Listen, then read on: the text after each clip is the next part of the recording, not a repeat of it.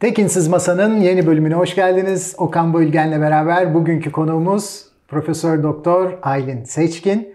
Bugün ilginç bir konu konuşacağız. El Salvador ve Bitcoin arasındaki ilişki üzerinde duracağız.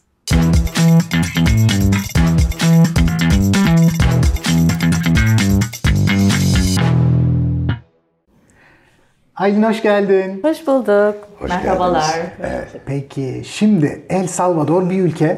Bitcoin ise ülkelerin para çıkarma tekeline karşı bir girişim. Şimdi ben Nasıl hemen şunu sormak istiyorum. El Salvador neresi? San Salvador neresi? San Salvador başkent. Öyle mi? Evet, El Salvador'un başkenti. Anladım.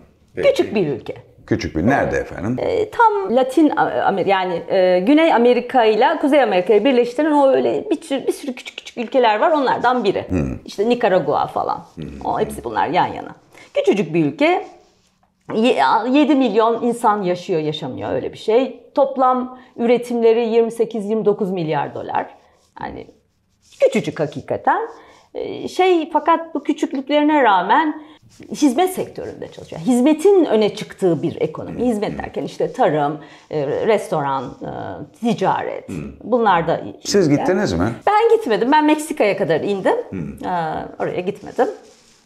Ama e, genç bir başkanları var bu, bu kale. Ee, aslında çıkışıyla çok ses getirdi. Fakat biraz da talihsizlik oldu. Çünkü yani Bitcoin en e, yüksekteyken her gün bir Bitcoin alacağım diye bir açıklama yaptı. Yani çok ses getirdi. Bütün haberlerde birinci e, ilk habere yakındı. Yani ekonomi haberlerinde en öndeydi.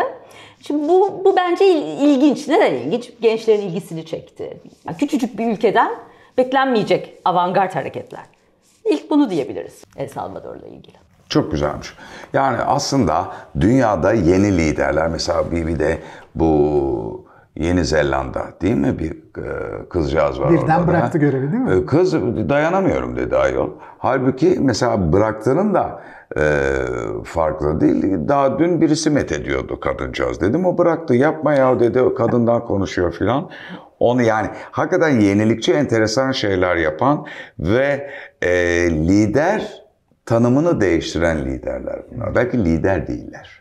Bunlar profesyonel yöneticiler. Aslında bizim eski romantik lider algımız da artık değişik galiba. Biz e, dünyada basının farklı ele alması, medyada yazıp çizenlerin farklı ele alması yüzünden böyle oluyor. Çünkü tam arzu ettiğimiz gibi e, yöneticiler geliyor. Yani e, iyi yöneticiler işte diyorsun ki o yöneticilere ya profesyonel ol. E, şu işi bu sene de sen yap.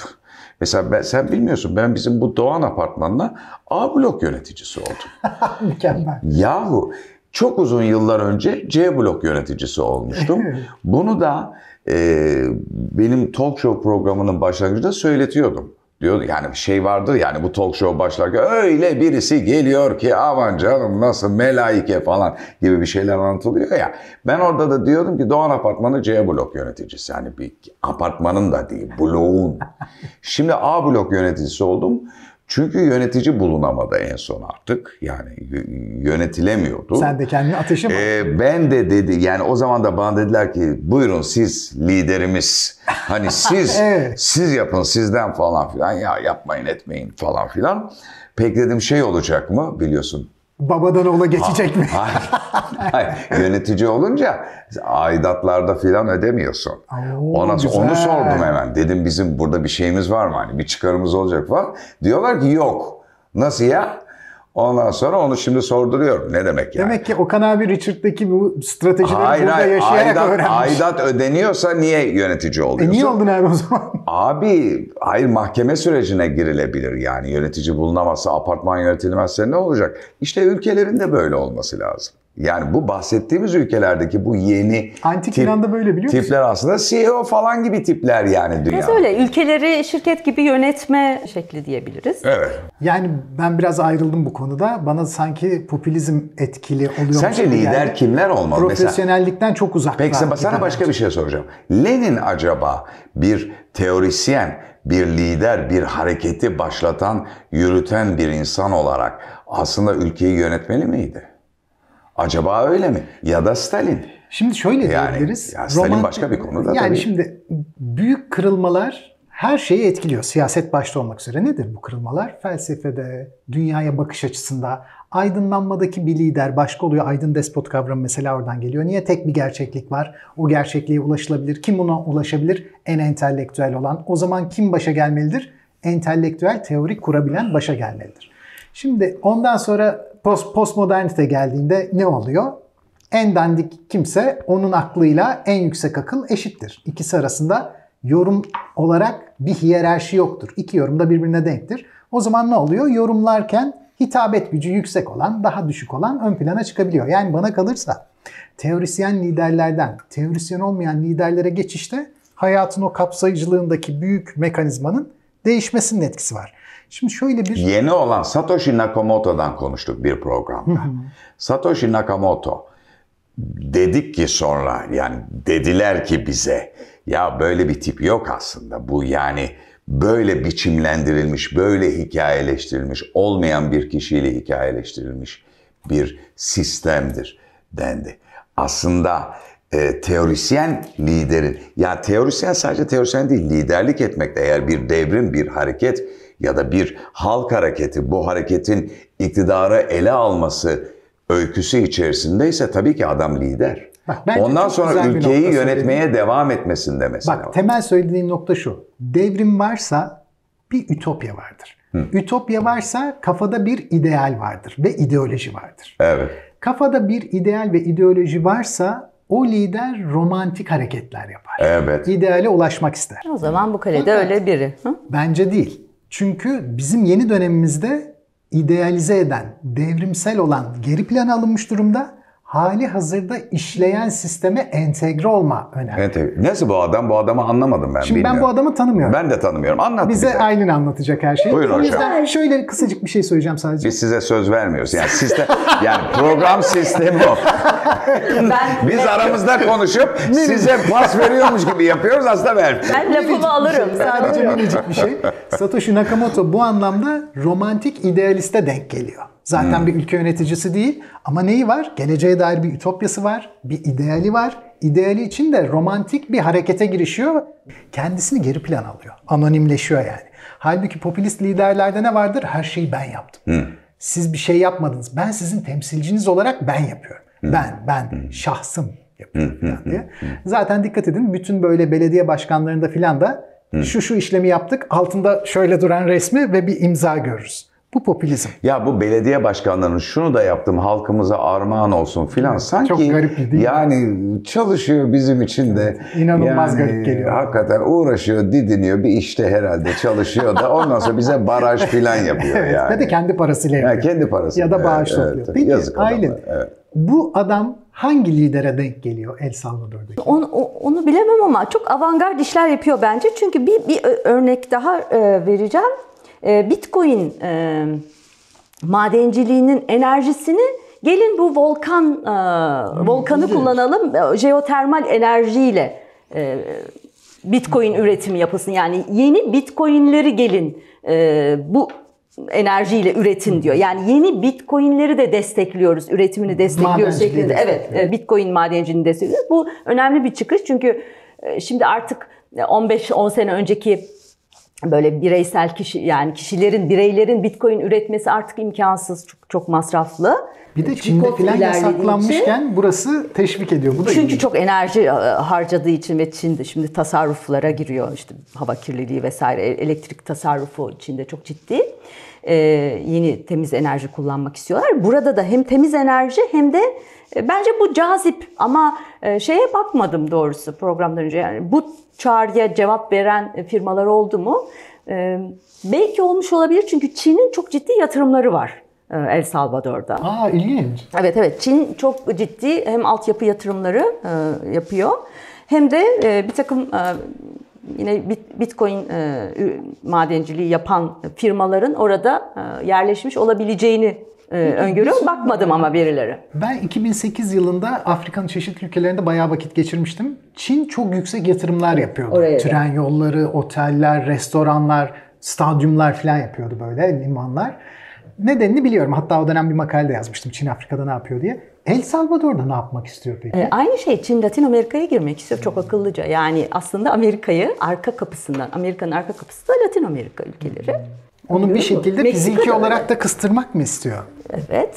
e, Ticarette bileğini bürkmek istiyor ve çok akıllıca. Bu ticaret savaşlarında Çin'den gelen ürünlere ekstra vergi konulması söz konusu olduğu için El Salvador'dan ürün göndermek gibi bir şey mi başka türlü? Yani El Salvador aslında çok küçük e, böyle terre denir Fransızca. Yani böyle hani orada bir ayağım olsun. Oradan belki e, işte stratejik belki liman vesaire şeyleri olabilir. e, Projeleri olabilir ki biliyoruz hani Çin limanlara da ta- talip. Peki şöyle bir özellik var mı? Mesela gemilerde haber dinlediğimizde Panama bandıralli gemi duyarız değil mi sürekli? Gemi Amerikan gemisidir, Türk gemisidir, İtalyan gemisidir, Panama bandıralli. Niye? Çünkü vergi sıfır gemicilikte. El Salvador'un böyle özellikleri var mı? Çin'i özellikle cezbeden. Daha çok e, ticaret e, yani liman avantajı anladığım kadarıyla. E, bir de inşaat sektöründe çok e, liberal. Yani dışarıdan da firmaları e, kabul ediyor. Yani bakın öyle her ülkede öyle değildir. Altyapı yatırımlarını öyle e, vermezler yani Türkiye'de bakın altyapı yatırımlarını biz- bizim büyüklerimiz yapıyor. Yani El Salvador biraz öyle o manada açık. O, o şekilde o altyapı yatırımlarına Çin e, talip olmuş. E, şey açısından bu kaleye gelecek olursak e, bence ülkenin gençlerini kendine çekmek istedi. Ve bu söylemleriyle bu e, uyuşturucu kartellerine falan bir e, olumlu bir çıkışı olmuş ki e, El Salvador hakikaten e, bu şey e, işte crime endekste e, puanı biraz aşağı inmiş. Yani bunlar hep olumlu e, gelişmeler. Yani e, bu kale e, iktidara geldiğinden beri özellikle daha işte ülke daha güvenli olsun, daha e, altyapısı iyileşsin e, şeklinde hareketler olmuş. Yani bunlar desteklenmeli. Şimdi Bitcoin'i de kullanıyorum, e, dolarla birlikte kullanıyorum demesi çok avantgard. Biliyorsunuz El Salvador'un kendi bastığı para yok. Şimdi bir başka Bu ülkenin... ne zamandır yok peki? e, ya da hiç mi yani, yoktu belki? e, yo yo daha önce vardı. Yani şimdi tam yılını hatırlayamayacağım ama bir süredir yani en az bir 15 senesi var. El Salvador Amerikan doları. Şimdi siz bir başka ülkenin parasını kullandığınız zaman e, hem iyi hem kötü. Yani e, Merkez takım- Bankası müdahaleniz Tabii tabii öyle bir şey yok. Yani dolayısıyla makroekonomik e, özgürce hareketler yapamıyorsunuz. E bu da gelirin daha adil dağıtılmasına fayda verecek, fırsat verecek politikaları politikacıların eline vermiyor. E, o zaman nasıl dağıtılacak? Belki işte böyle e, halkı daha e, Bitcoin'le belki refahı biraz daha bu şekilde halka yayarak yani işte Türkiye'de de e, bakıldığında işte borsaya küçük yatırımcının girdiğini, Bitcoin'e küçük yatırımcının ilgi duyduğunu biliyoruz yani. Geliri kısıtlı da olsa hani bu alanlarda parasını değerlendiriyor. E, ben yine bu bu şekilde yorumluyorum. Yani El Salvador'da Bitcoin'in sisteme girmesini ama e, yani sürdürebilirler mi?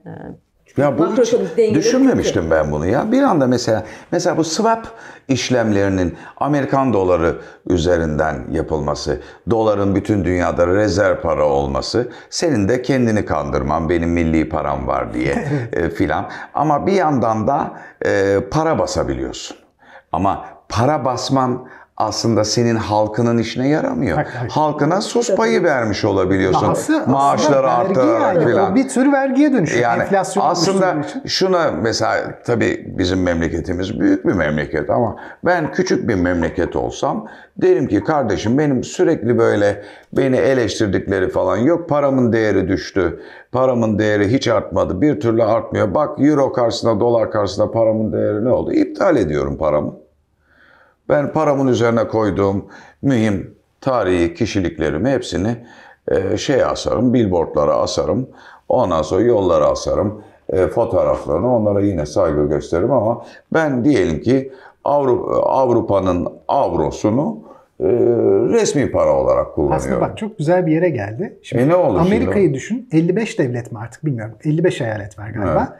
55 eyalet yani aslında onlar state yani devlet. Biz Evet. eyalet diye çeviriyoruz ama devlet. Hatta adı ne? Amerika Birleşik Devletleri. Evet. Devletlerin hepsi 55'i de artık yanlış söylüyorsam kusura bakmasınlar aynı parayı kullanıyor. E, Avrupa Doları da aynı parayı Heh, kullanıyor. ben de onu diyecektim. E ne oldu? Hiç şimdi bak o yüzden mesela e, şey olmuyor. e, işte Bulgaristan'da ya da Yunanistan'da ya da Romanya'da ya da atıyorum İtalya'da, İspanya'da ay ay ay ay, ay ekonomi diye bağırıyorlar, çağırıyorlar, bilmem ne yapıyorlar. İşte paramın değeri düştü düşmedi yok. Şeye bağlı. Aslında fena fikir değil. Ülkelerin Yo, bence de. Zaten-. Hayır bir de şey yapamıyorsun, para basamıyorsun. Para basamamak yani başta bütün dünyanın en hayrına olan şey şu Nixon'ın yaptığı eee, altına endekslenmiş do- dolardan vazgeçiyorum istediğim gibi para basarım ulen size ne dedikten sonra dünya bu hale geldi E, tabii zaten. Bretton Woods'tan çıkışla. Evet, yani, yani. evet. Çünkü çıpasız 70 kaldı. hayır, Güvenle ilgili. 71'de 71'den Bretton sonra bu hale geldi ve ondan sonra bu işte kaldıraçlar indireçler. Ama burada bir parantez açıp bir örnek vermek istiyorum. Tabii ben salakça bir şey söylüyorum. Es- çok estağfurullah. Hayır, e, Arjantin de aynı şeyi yapmak istedi. E, dedi ki tamam e, peso ile Amerikan doları aynı anda kullanılsın. Birebir bir peso bir dolar dedi. Ama battılar. Yani bunun olamayacağını o zaman yani 99'da Hay niye olamadı o zaman? yani bunu Biri sağlam, biri sağlam olmayan para. Evet insanlar dolar bambaşka. biriktirdi. E, peso bollandı. Pesodan kurtulmak istediler. Sürekli alışveriş peso ile oldu. Bir Dolar de- piyasadan çekildi. bir de, tasarrufa gitti. e, doları kullanabilmesi için ekonomisinin bütün özelliklerinin Amerika'nın ekonomisine benzemesi biz- lazım. biz tamamen ekonomiden anlamayarak bir salak olarak Evet. konuşuyoruz. Zaten hiçbir şeyi para nakit sana cash maddi para vermiyorlar ki. Ya diyelim ki devlet senin hesabına para yatırıyor. Devlet dese ki sana işte 50 dolar yatırdım maaş olarak. Sen de aldın onu kredi kartında götürdün 5 dolarını harcadın kredi kartından. Yani bir şey para yok ki ortada. Yani bizim dolar basmamıza gerek yok ki biz dolar kullanabiliriz. Zaten fazlaca dolar var Türkiye'de. Korkunç dolar var. Bu kadar dolar. Biz zaten her şeyi dolar ve euro üzerinden yapıyoruz. Şimdi bak Aylin'e sorabileceğimiz bir şey geldi aklıma senin söylediğinden. Şimdi diyelim ki bizim Merkez Bankamız rezerv biriktiriyor. 80 milyar dolar rezerv birikti. Hipotetik söylüyorum. Böyle bir şey yok maalesef. Keşke olsa da. Şu diyelim ki öyle bir şey oldu. Amerika'da birkaç trilyon dolar basmaya karar verdi ki yakın zamanda aslında böyle bir şey oldu. Türkiye'nin dişinden tırnağından arttırıp tasarruf ettiği dolar Amerika birdenbire büyük bir emisyon yapınca o emisyon kadar küçüldü. Evet. Başkasının parasıyla, başkasının merkez bankasına endeksli bir parayla hareket etmenin böyle bir zorluğu var. Tamam işte direkt parası. minik bir gol Peki yemek. şöyle Türkiye Cumhuriyeti. Türkiye Cumhuriyeti büyük bir ülke olmasaydı da daha küçük bir ülke olsaydık deseydik ki biz Bitcoin'e eşitledik. Bitcoin bizde. Devlet maaşları da Bitcoin olarak yatırıyor. Biz de aramızda birbirimizle Bitcoin hesabı yapıyoruz. Yani artık maddi para transferinin olmadığı bir zamanda bu çok rahat. Çünkü yani yani artık para çıkarmıyorsun ki yani işte şuradan bir şey bir bidik bidik bidi bidi bidi bidi bidi falan filan. Yani regülasyonların tamamlanmasından sonra Niye o- Bitcoin'e biz eşitlemeyelim? Türkiye olmasaydık da. daha- Şöyle bir durum oluyor tabii Aylin şimdi Ama çok yine daha iyi anlatacaktır. Özgürlük, Bitcoin parasal ıı, politika İlginç bir özellikleri. şekilde bir merkez bankasına sahip olmadığı için çok volatil. Yani bir anda fırlıyor, bir anda düşebilir, tekrar fırlayabilir. Şimdi sorum geliyor. Bu kadar volatil olan bir currency'de günlük alışveriş yapmak mümkün mü? El Salvador'da Bitcoin günlük alışverişin içine girebildi mi? Ee, evet. Bu ilginç ama Dolarla yani. birlikte ama şeyi e, yine o sayıya da bakmadım yani tamam e, o oranlar nedir? Yine çoğunluk Amerikan doları kullanıyordur. Bugün pizza aldığın bir tutarla belki 6 ay sonra ev alabilirsin Bitcoin'de. Veya bugün ev alabileceğin miktarla 6 ay sonra pizza almak zorunda kalabilirsin. Bu kadar volatil olan bir şeyi insanlar Yok ya bu kadar hareket yok mi? Bitcoin'de oluyor mu bu kadar hareket ya? Çünkü Amerikan dolarına endeksli de değil ama e- e- Amerikan dolarıyla ölçüldüğü için e, Amerikan e, Merkez Bankası'nın politikalarına çok bağlı.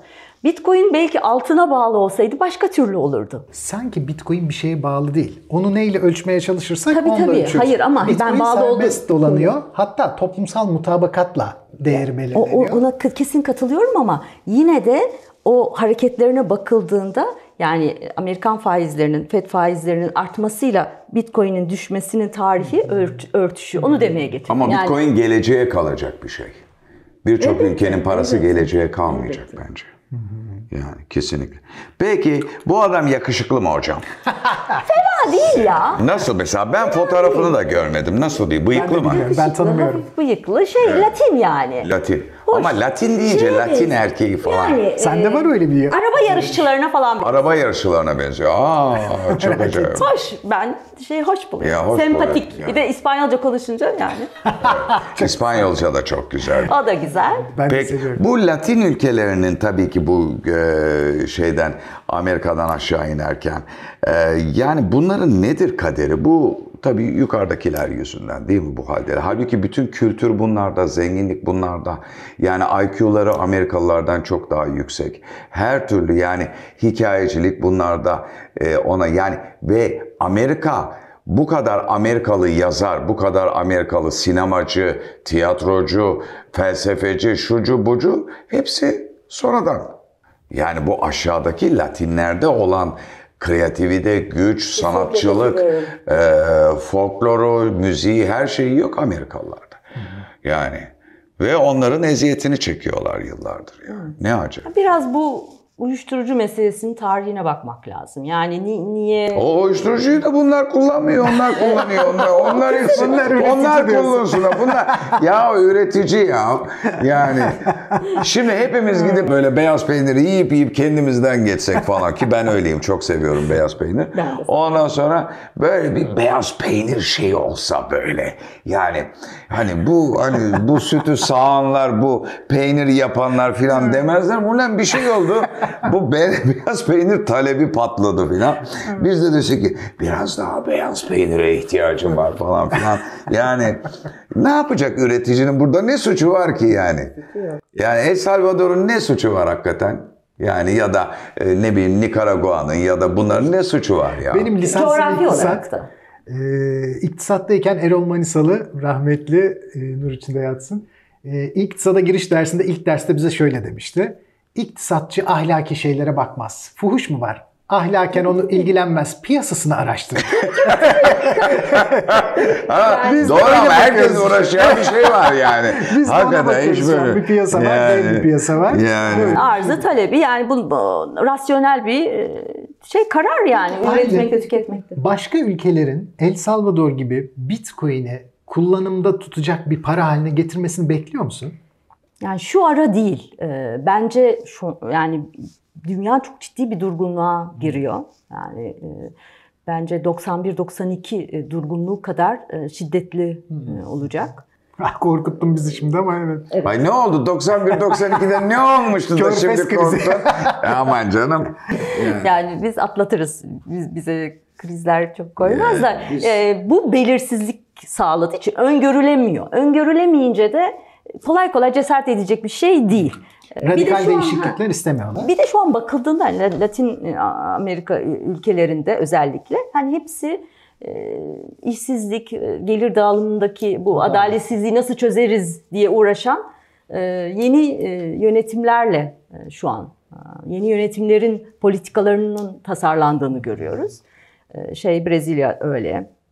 Arjantin öyle. Bu küçük e, Latin Amerika ülkeleri yani bu Orta Amerika, Orta Amerika onların e, kaderi ise geçiş yollarındalar. Geçiş yollarında oldukları için e, her türlü destabilizasyonu açıklar. Volatiller yani. Öyle bir de işte terörizm vesaire çok oralar karışık yani o Panama o küçük minik minik o oralarda şeyi tam kontrol edemiyorlar ve orada öyle ulus e, e, şey. milli bir e, şey bir e, konsept insanların bağlılığı öyle bir şey kavramı yok. Çok bölük pörçük bir şey orada. Yani bir ülke e, bir milli şey yok. Aşağı indiğinde var. Şilili, Arjantin, Brezilya. Ama oralarda sanki yok ve orası çok karışık. Şimdi bir de böyle küçük ülkelerde ekonomisi de dar olduğu için, sığ olduğu için büyük para girişleri veya büyük para çıkışları bütün piyasayı çalkalandırıyor. Şimdi Dubai'de böyle bir şey olmuştu geçtiğimiz yıllarda. Orası da küçük ve bina stoğu az, apartman stoğu yani daire stoğu da az. Bir anda büyük bir para girişiyle daire fiyatları korkunç zıplayabiliyor. Ufak bir yani Türkiye'ye göre ufak bir çıkışta fiyatlar yerle bir oluyor. Mesela Türkiye'de derin bir ekonomi bulunduğu için ona göre derin derken negatif anlamda söylemiyorum. Daha kalabalık, daha büyük bir kal- ülke. büyük. Bu yüzden bu kadar sınırlı çıkışlar veya girişler müthiş bir etki yapmıyor piyasa içinde. Daha dengeli olmaya e, elverişli. Ama El Salvador gibi ülkeler böyle şeylere çok duyarlı. Ve bir anda bir yükseliş, bir anda bir düşüş. Mesela şöyle bir şey olmuştu. Yunanistan'daki kriz sırasında Selanik'ten ev bakmaya başladım. Keşke alsaydım şimdi çok üzülüyorum.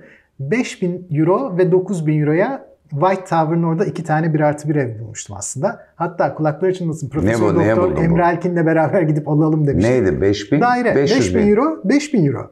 Biri 5000 euroya daire olur biri mu ya? 9000 euro, biri 5000 euro. Daire. Evet evet. Bir artı birler ama olsun. Hem de çok merkezi. Kirası mı? Hayır satın alma fiyatı. Ya olur mu canım öyle Maalesef şey? böyle bir durumda. evet. Olmaz öyle şey. Ama oldu işte. Krizde de olmamıştır. Oldu. Birisi sizi keklemiştir. Hayır hayır. Ya olur mu canım? Oldu işte Okan abi. Oldu. Ve yani bir sürü kişi de ona göre pozisyon aldı. Bir sürü kişi yatırım yaptı. Ve o dönem e, Emre Hoca ile konuştuk. 6 saat sürüyordu aslında Selanik arabayla. Gitmeye üşendik ve kriz daha sonra. Ya niye arabayla gidiyorsunuz? Siz Her şeyiniz bir acayip. Niye? ya ben ben e, hafta sonu Atina'daydım. Halbuki senin oraya gelecektim Bodrum'a. Keşke gel- Bizim mimar Yavuz Çelenge Aha. aradım. Dedim ki ben geliyorum Ben dedim Yavuz'un işte. işleriyle uğraşıyorum dedim. eve bakacağız bilmem ne. Bu da nereye gidiyormuş? Midilli'ye mi gidiyormuş? Bir yere Aa, gidiyormuş. doğru tabii. Benim bir sinirim bozul. Ulen ben deli gibi çalışıyorum. Didiniyorum. Biraz sen Yunanistan'a gidersin ben gidemez miyim diye. Hadi dedim. Selin'e atla şeye gidiyoruz. Hadi Uçakla gittik ama biz. Sizin niye arabayla siz gidip geliyordunuz hep? Ya öyle yani, hayır, vallahi. yani uç, gittik ama çok, Yunanistan nüfusu azalmış. E, normal. Zaten küçük. Normal istihdam olanakları turizmde Ben de çok sınırlı. üzüldüm onlar için bu gittiğimde. Yani ya o nüfus 12 milyondan 11 bir şeye inmiş. Normal. Ee, Atina 4 milyondu, 3 küsüre inmiş. Çok üzüldüm onlara. Biz net dedim çok mutluyuz İstanbul'da. Bizim 16 milyon diyorlar, 20 20 milyon ama mültecilerle beraber bence şu anda İstanbul bence 25'ten aşağı değil, Ki 25 resmi- milyondan aşağı değil İstanbul. Resmi olarak 16. 25'ten aşağı değil. Nasıl üzüldüm Atinalılar için. Sokaklar bomboş. Sokaklar bomboş. Bu arada resmi rakamlara göre İstanbul aslında göç veriyor da resmi rakamlar öyle. Hangi göç veriyor? İşte göç filan vermiyor. Bir tek sen gittin Bodrum'a. diğerleri, diğerleri Ama Bodrum, işte ne kadar büyük bir yer Bodrum kaplıyorum. çekilmez bir yer olduğu için de Bodrum'dan kaçıyorlar İstanbul'a. Geri göç veriliyor falan. Hocam çok teşekkür ederiz. ben teşekkür Ay, canım ederim. efendim. Ağzına Çok, sağlık. bence Herkesten en güzel sohbet ediyorum. oldu. Aylin her zaman öyle. Ha, Ay, Biz bravo. Aylin'le BTC Türk kanalında bir sohbetimiz var. 1.1 milyon izlendi. Ne Ay, yaptınız hakikaten? Ne yapmış olabilirsiniz? Çok Aylin merak Show. ediyorum. Herkes izlesin. Galiba çok şıktım. Kıyafetim güzeldi. Şey Her şey. Allah Tam bir Allah, paket. çok acayip. Merak eden herkes izlesin. BTC Türk'ün kanalında Evet. Aylin Seçkin Yalın Alpay yazarak bulabilirsiniz. Evet. Ama şimdi bu programda Okan Bayülgen olduğu için bu 2 milyon izlenir. Hayır canım niye izleniyormuş? Ne gerek varmış izlenmesine? Bize az ve kaliteli izleyici gerekiyor. İzlemeyin bizi. Bir Evet. sonraki programda görüşmemek üzere. Ay canım efendim. Eyvallah.